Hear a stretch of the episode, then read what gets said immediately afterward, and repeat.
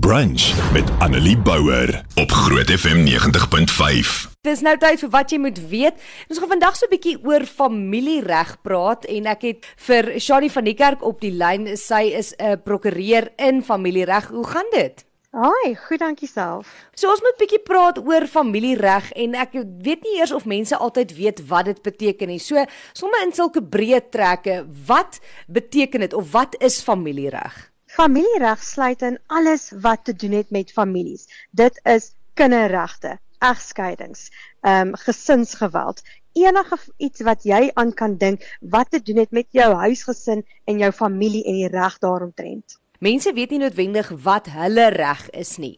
So familiereg raak nou gesinne, maar wat as 'n ma en 'n pa nou skei of so iets, waar kom regte in? Wanneer het paas byvoorbeeld regte? Alle biologiese ouers van 'n kind het altyd um, regte ten opsigte van 'n kind. En daardie regte is ouerlike regte en verantwoordelikhede. Ouerlike regte en verantwoordelikhede is 'n sambreelterm vir die die drie fasette regte. Die een is die reg om kontak te hê met 'n kind, om die kind te sien en die ander persoon het die primêre residensiereg, die plek waar die kind primêr bly. Die volgende gedeelte is nie noodwendig 'n reg nie, maar 'n verantwoordelikheid en dit is om onderhoud te betaal ten opsigte van die kind.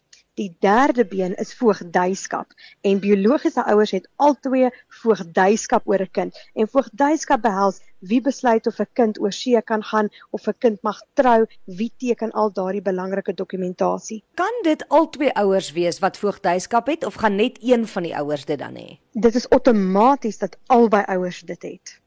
So selfs al um, is hulle geskei, selfs al bly hulle nie meer in dieselfde huis nie, selfs is een huis dalk waar die kind bly en naweke by die ander ene sou albei nog steeds voogdyskap hê, is ek reg? Ja, verseker. Ons praat nou oor die regte van ouers, maar ons moet ook praat oor jy het genoem ouerlike verantwoordelikhede.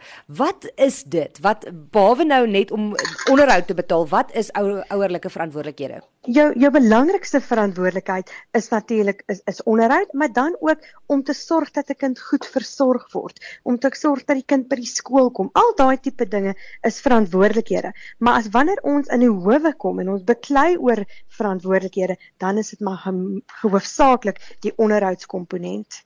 En dit is nou presies waaroor ons ook dan nou moet praat, want wie se verantwoordelikheid is dit dan om onderhoud te betaal en hoe bepaal 'n mens hoeveel onderhoud hulle moet betaal? Mense moet onthou dat albei ouers is verplig om onderhoud te betaal ten opsigte van 'n kind en dit word bepaal pro rata daardie ouers se inkomste. So as die een ouer R10000 verdien en die ander een verdien R20000, dan moet hulle pro rata daai inkomste ten aansien van die kind betaal. So wat jy sal doen, jy sal eers kyk wat is hierdie kind se basiese uitgawes vir 'n maandelikse um, op 'n maandelikse basis en kom ons sê nou maar die kind kos die partye R10000.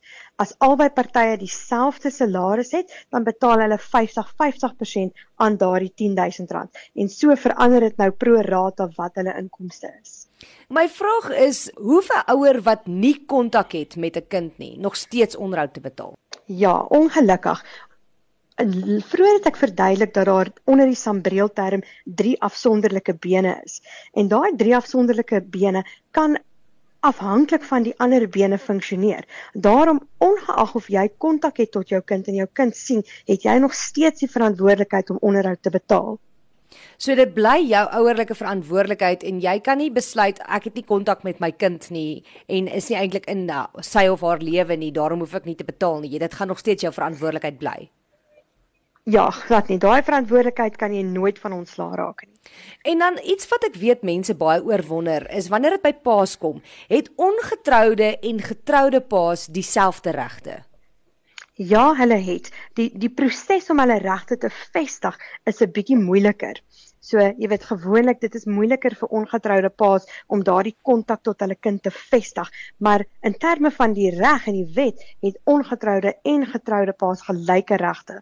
So dit gaan basies meer oor ouerskap, dit het eintlik niks te doen met jou getroude of ongetroude status nie. Ja, Ja, verseker. En dan wil ek graag weet iets wat mense baie keer glo en ek weet self nie of dit waar is nie, is eh, die kinderwet geslagsneutraal of word maas oor die algemeen bevoordeel wanneer dit kom by kinders?